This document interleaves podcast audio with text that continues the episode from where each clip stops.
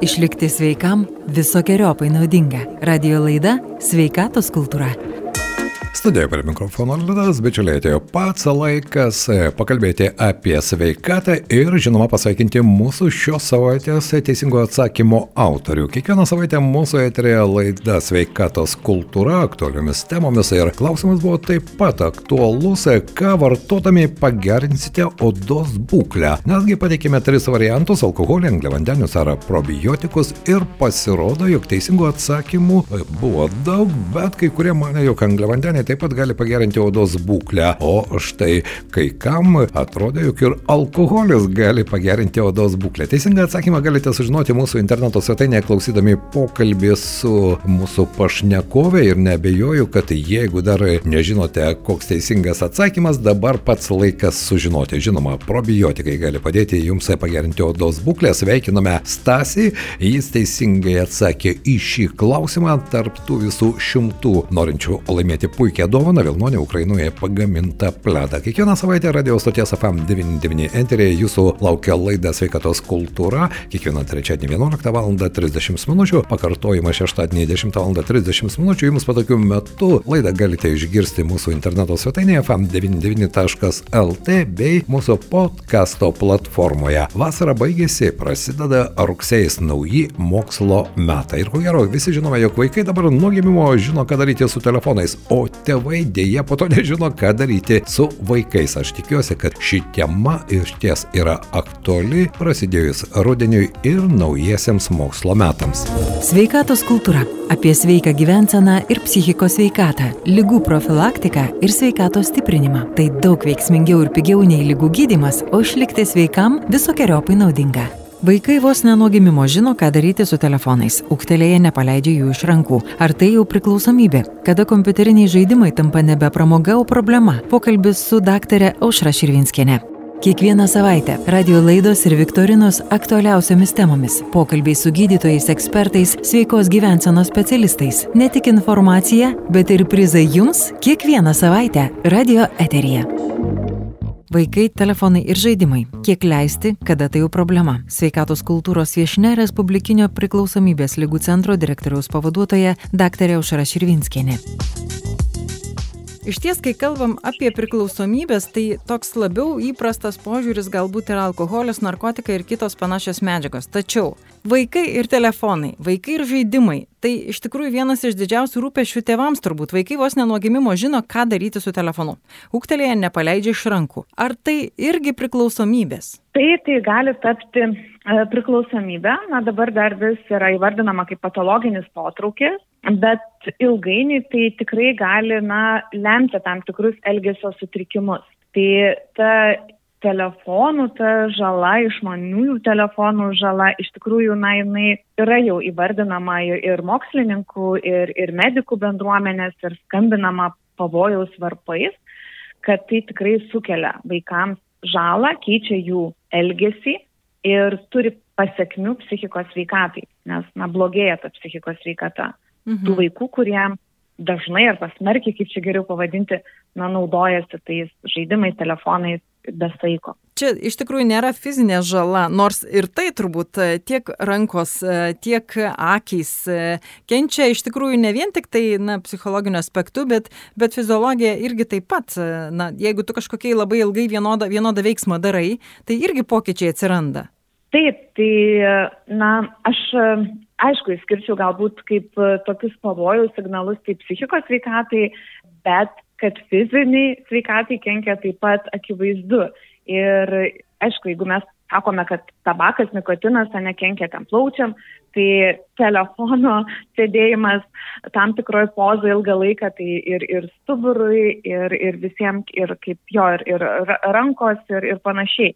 Akis galų gale Tai tikrai tų pasiekmių yra labai daug, bet, na, kaip ir minėjau, pati galbūt dabar akcentuojama būtent psichikos veikatai, kad tokie vaikai tampa labiau nerimastingi, negeba sukaupti dėmesio kitose srityse, jiems išsivysto nerimas didesnis ir, ir taip toliau.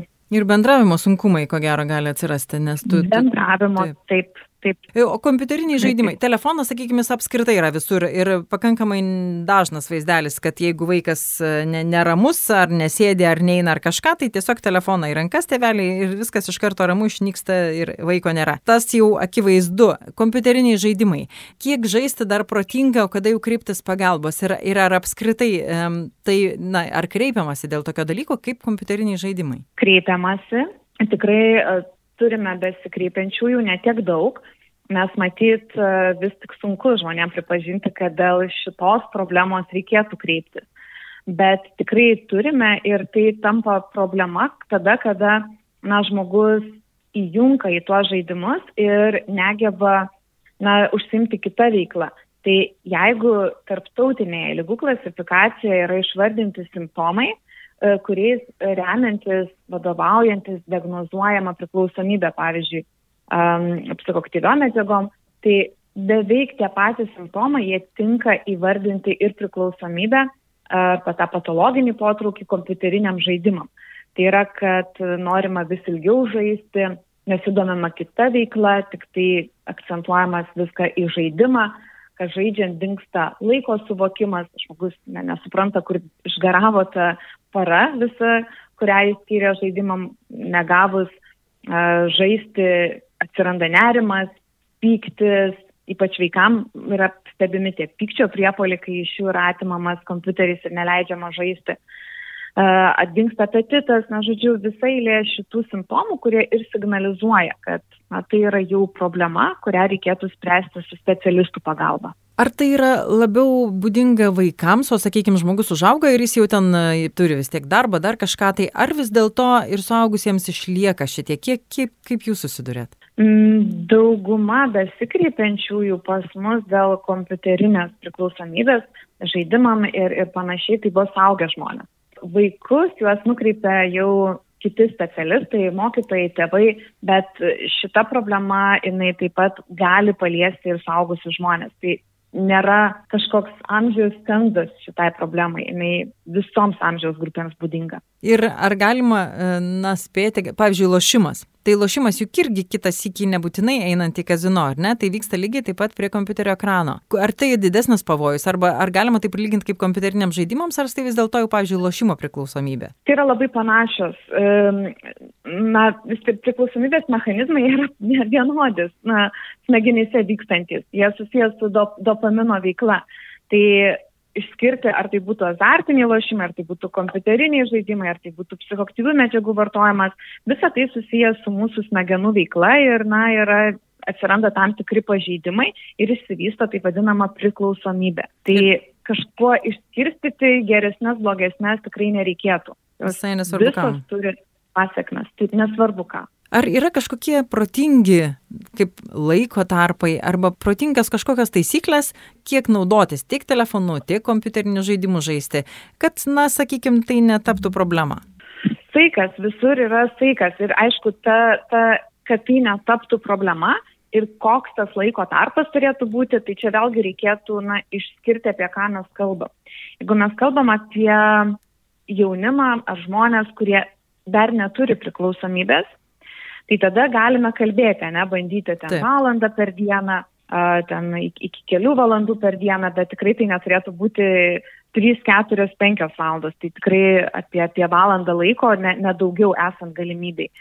Bet jeigu mes kalbam apie žmonės, kurie jau turi priklausomybę, tai jiem bet koks prisėdimas gali suvalgyti visą jų laiką ir jie jo tikrai nenormuos, nes jie jau to negeba daryti. Priklausomybė tai, yra, kad dinksta saikas, taip. Taip, taip. Tai tikrai, na, iš pradžių, na, bet aš matau irgi viešumoje, kai, kai tėvai matyt irgi nesusimastydami, tarkim, norėdami vaiką pamaitinti, pirmiausia duoda telefoną žaisti ir tada jau Taip.